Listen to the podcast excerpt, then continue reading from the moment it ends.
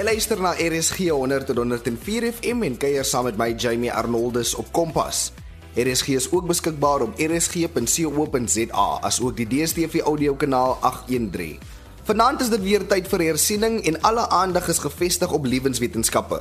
Ek het met Kalen Oppel, die graad 12 lewenswetenskappe onderwyser van die New Orleans Sekondêre Skool in die Parel gesels oor die menslike voortplantingsstelsel as ook die menstruele siklus. Voortplanting is die proses waar een geslag met die volgende verbind. Die oorlewing van spesies sowel as die verskeidenheid wat in elke generasie voorkom, hang van voortplanting af. Graad 12 leerders kan hul notas en handboeke gereed kry en oopmaak by die hoofstuk wat handel oor die menslike voortplantingsstelsel. Ons gaan spesifiek fokus op die manlike en vroulike voortplantingsorgane. Jy luister na Kompas op RSG. Kalen, uit watter vraestel vir lewenswetenskappe kom dit en wat is die punte toekenning vir hierdie afdeling? Goeienaand Jamie. Goeienaand luisteraars en veral aan ons graad 12 leerders wat ingeskakel is en baie dankie aan RSG en die WKWD vir hierdie geleentheid om ons leerders in hierdie grendeltyd en onsekere tyd op so 'n wyse te help. Graad 12 leerders, kom ons vra gou vir julle om net om julle notas of handboeke vinnig te gaan haal en oop te maak oor hierdie hoofstuk wat handel oor die menslike voortplantingsstelsel en dan veral by die manlike en vroulike voortplantingsorgane. Sit 'n merke daarin en dan gaan ons ook later kyk na die menstruele siklus. Ons graad 12 leerders moet kennis neem dat menslike voortplanting deel vorm van vraestel 1 en dat dit 31 van die 150 punte van vraestel 1 uitmaak met ander woorde 'n volle 21%. So Moenie daardie keuse maak en sê ek hou nie van hierdie werk nie. Terminologie is te moeilik, so ek gaan dit nie leer nie. Daarom is ons hier en ek sê vir julle dis interessant. Dit gaan oor my en jou. Kom ons leer meer omtrent onsself sodat ons ook beter keuses en uiteindelik wyse besluite kan maak.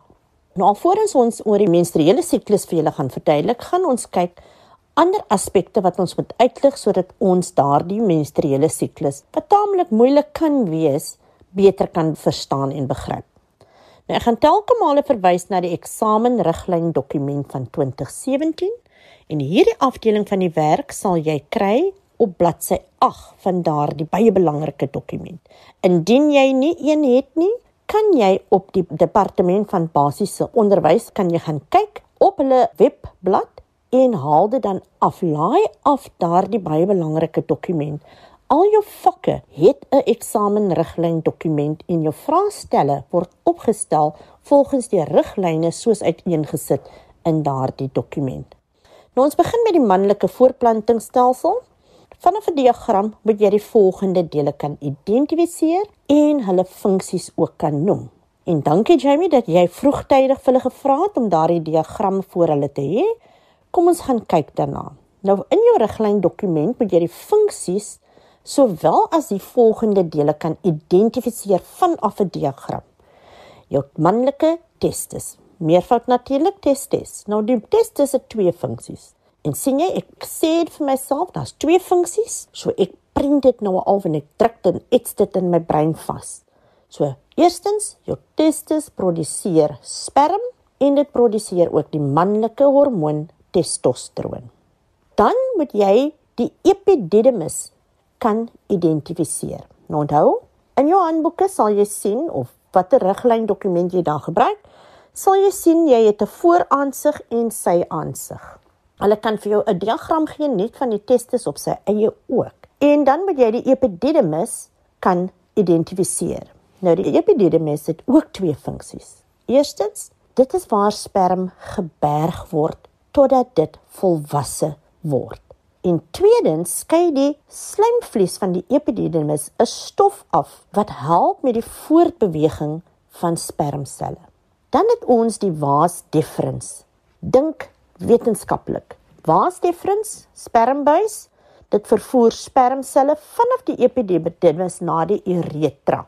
Nou onthou, moenie dit mekaar raak nie, want in graad 11 het jy geleer daar's 'n ureter wat 'n urinebuis is en die uretra wat die eksterne opening is na buite. So, jy het jou spermbuis, dit vervoer dan spermselle vanaf die epididymis na die uretra, met ander woorde na die uitwendige opening en dan 'n Volgende deel wat jy moet kan identifiseer is die semen vesicle. Vesicle is 'n blaasie en dit skei fruktose af. En waarom skei dit dan om spermselle te voed?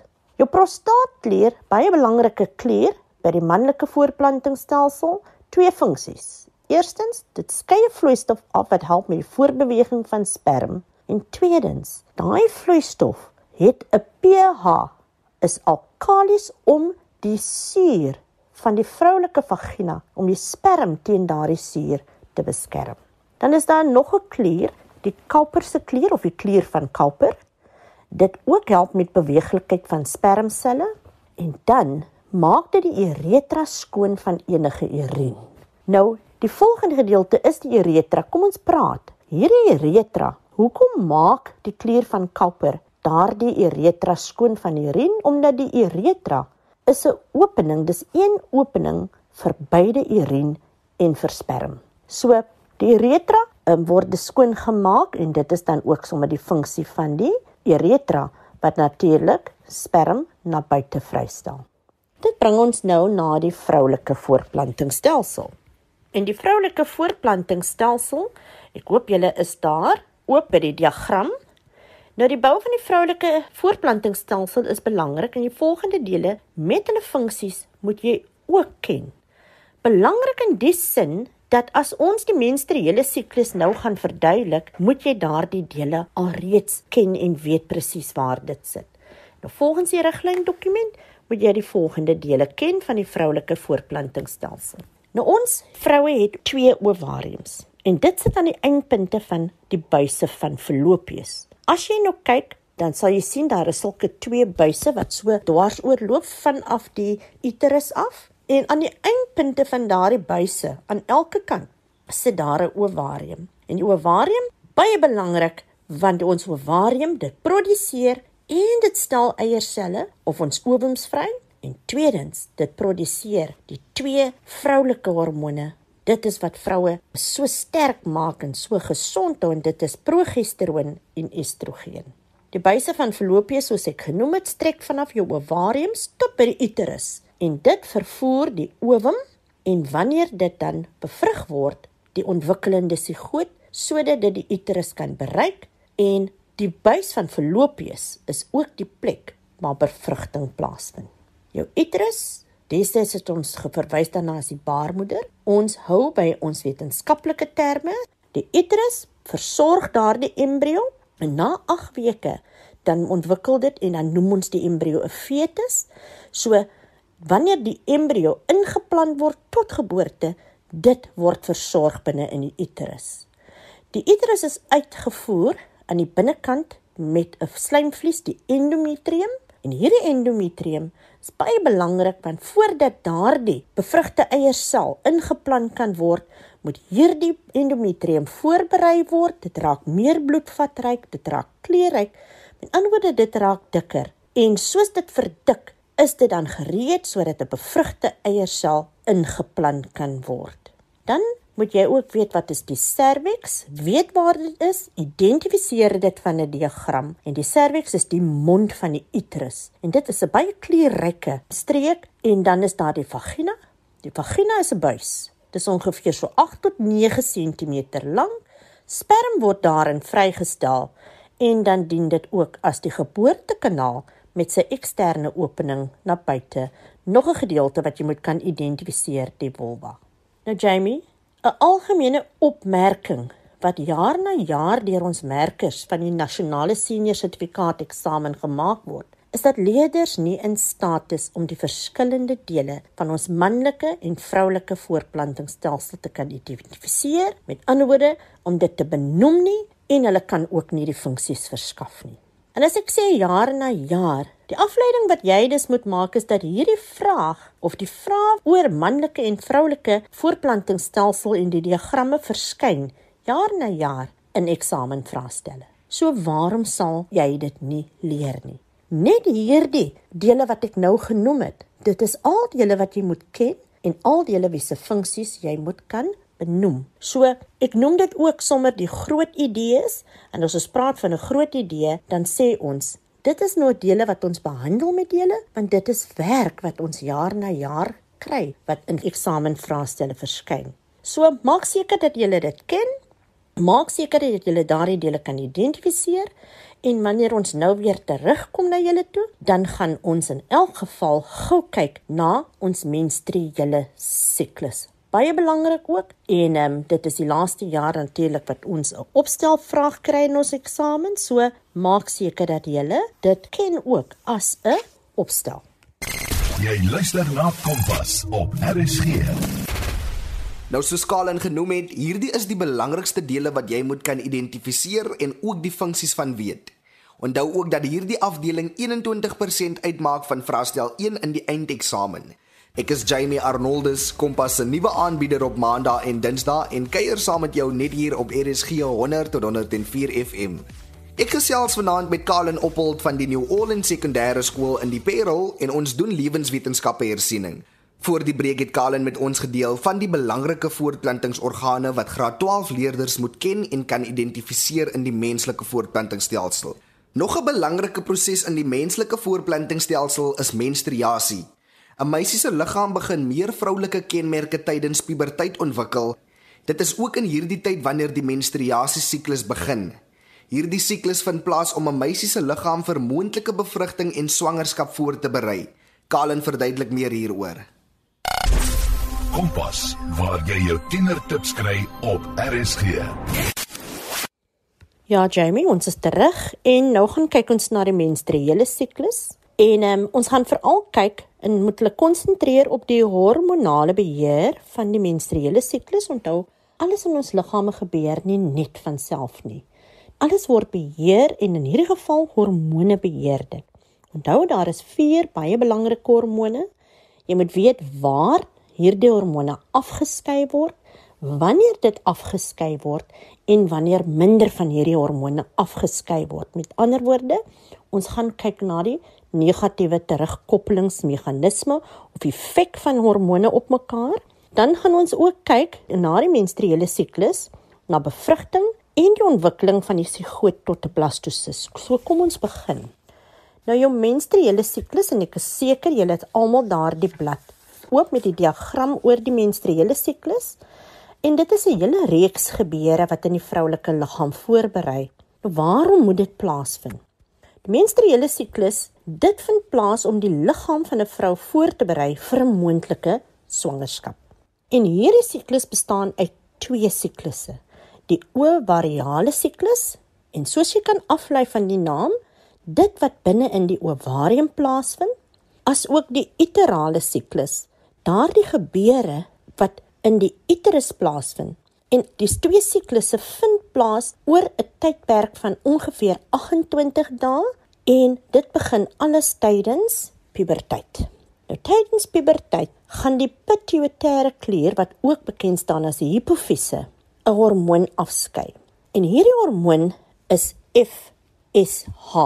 Nou FSH staan vir follicle stimulerende hormoon en dit is presies wat dit doen. Want die FSH is verantwoordelik vir die ontwikkeling van 'n primêre follicle binne in die ovarium en dit moet dan ontwikkel tot 'n graafse follikel. Maar soos wat hierdie primêre follikel ontwikkel, skei hierdie ontwikkelende follikel estrogen, 'n ander hormoon af. En estrogen wat in die ovarium afgeskei word, gaan met die bloedstroom na die uterus toe. En dit veroorsaak dat die wand van die uterus, naamlik die endometrium, gestimuleer word om meer kleurryk en meer bloedvatryk te word en dus help dit met die verdikking van die endometrium of die uteruswand. En dit gaan aanhou gebeur tot ongeveer dag 13. En by dag 13 skei die pituitêre klier of die hipofise 'n ander hormoon af. Nou wil ek hê ons moet mooi luister. Hormone word nie net links en regs afgeskei nie. LH kan alleenlik afgeskei word as die FSH en die estrogen dan geïnhibeer word. Met ander woorde, minder van dit word afgeskei en LH kan nou afgeskei word. En hier LH se hooffunksie is om te verseker dat ovulasie plaasvind. Nou ovulasie, dit is die vrystelling van die graafse follikel uit die ovarium tot binne in die buis van Fallopius. Wat gebeur nou? Dit gebeur gewoonlik hier by dag 14. Hierdie oopgebarste graafse follikel, dit ontwikkel tot 'n corpus luteum. Nou die corpus luteum skei nou progesteroon af. Dis die vierde hormoon. En progesteroon is verantwoordelik vir die verdere verdikking van die endometriumwand binne in die uterus. En hierdie hoë vlakke van progesteroon gaan natuurlik of hou die produksie van FSH of die follikelstimulerende hormoon gaan dit inhibeer en hou dit laag. En dit is waar ons praat van die negatiewe terugkoppelingsmeganisme tussen progesteroon en FSH. En ek gaan nou praat oor hierdie afskeiding en die inhibering van FSH. Nou, progesteroon gaan dus en word afgeskei deur die corpus luteum en dan word daar ook nog estrogen afgeskei. So, wat gebeur indien bevrugting dus nie plaasvind nie? So as bevrugting nie plaasvind oor hierdie tydperk van 28 dae nie, dan degenereer of breek die corpus luteum af Dit staak die vervaardiging van progesteroon. Die hipofise gaan nou nie langer geïnhibeer word om FSH te produseer nie en 'n nuwe follikel kan nou ontwikkel. So, die hele proses gaan homself herhaal, maar wat gaan gebeur wanneer die corpus luteum wel progesteroon afskei en bevrugting van die ovum vind plaas? So progesteroon gaan dan aanhou om afgeskei te word deur die corpus luteum. Die endometriumwand gaan dik en bloedvatryk bly sodat dit kan voorberei of liewer dan soos wat die sigoot die bevrugte eiersel dan ontwikkel en deur die buis van Fallopius gaan tot by die uterus sodat dit ingeplant kan word. sien julle, dis baie belangrik om te weet progesteroon dit hou dus swangerskap in stand. En veral vir die eerste 12 weke, ons praat van die eerste trimester, dan gaan en progesteroon hou swangerskap in stand totdat dit na 12 weke die funksie van progesteroon dan oorgeneem word deur die plasenta wat intussen ontwikkel het. Nou kom ek gaan terughou en praat oor die negatiewe terugvoering tussen progesteroon en FSH. FSH staan vir follikelstimulerende hormoon en elke maand of oor 'n tydperk kom ons praat van die 28 dae tydperk. Dan gaan 'n nuwe follikel gestimuleer word om te ontwikkel tot 'n graafse follikel en die ovum gaan vrygestel word vir 'n moontlike bevrugting en 'n moontlike swangerskap. Maar as die progesteroon vlakke hoog bly, met ander woorde as daar 'n bevrugte eiersel is en daar is 'n swangerskap, dan kan FSH nie afgeskei word nie, want ons moet nou probeer verhoed dat daar 'n nuwe follikel ontwikkel, want daar is nou 'n swangerskap. En dit is presies wanneer ons praat van geboortebeperking en ons praat van die pil. Die pil bevat baie hoë vlakke van progesteroon. En dit is om die liggaam te flous dat daar 'n swangerskap is en te verhoed dat FSH afgeskei word om 'n nuwe follikel te laat ontwikkel. So As jy nou mooi geluister het, sal jy sien dis 'n oorsaak en 'n effek. Die afskeiding van die eerste hormoon FSH, dit veroorsaak dat die follikel ontwikkel. Die ontwikkelende follikel veroorsaak dat estrogen afgeskei word. Die estrogen veroorsaak dat die wand van die uterus, naamlik die endometrium, dikker raak, verdik. Met ander woorde, bloedvatryk en klierryk raak.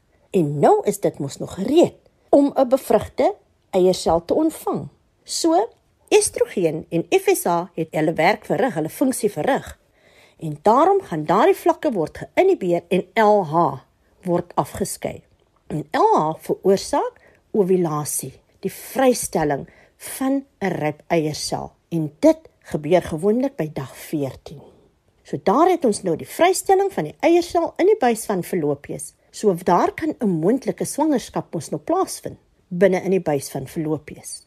So progesteroon of liewer die graafse follikel ontwikkel tot die corpus luteum wat eintlik 'n klier is nou. En hierdie klier skei progesteroon af. En progesteroon veroorsaak dat die wand van die uterus, naamlik die endometrium, nog meer bloedvatryk raak sodat dit ja die embrio kan ontvang vir inplanting.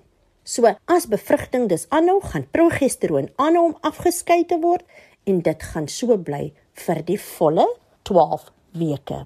Indien bevrugting nie plaasvind nie, weet ons dat progesteroon corpus luteum gaan afbreek en degenereer. Progesteroon gaan nie meer afgeskei word nie en die hele proses gaan weer begin want nou in daardie tyd as progesteroon afgebreek word word die wand van die endometrium ook afgebreek. En dit is wat bekend staan as menstruasie. En die siklus kan weer van voor af begin. En dit is so eenvoudig soos dit nou As ons gaan kyk verder na wat gebeur nou indien die eiersel vrygestel word en bevrugting vind plaas. En nou begin die proses van mitose. Mitose waar een hierdie sigoot bevat mos nou die kerne van beide die spermsel en die eiersel.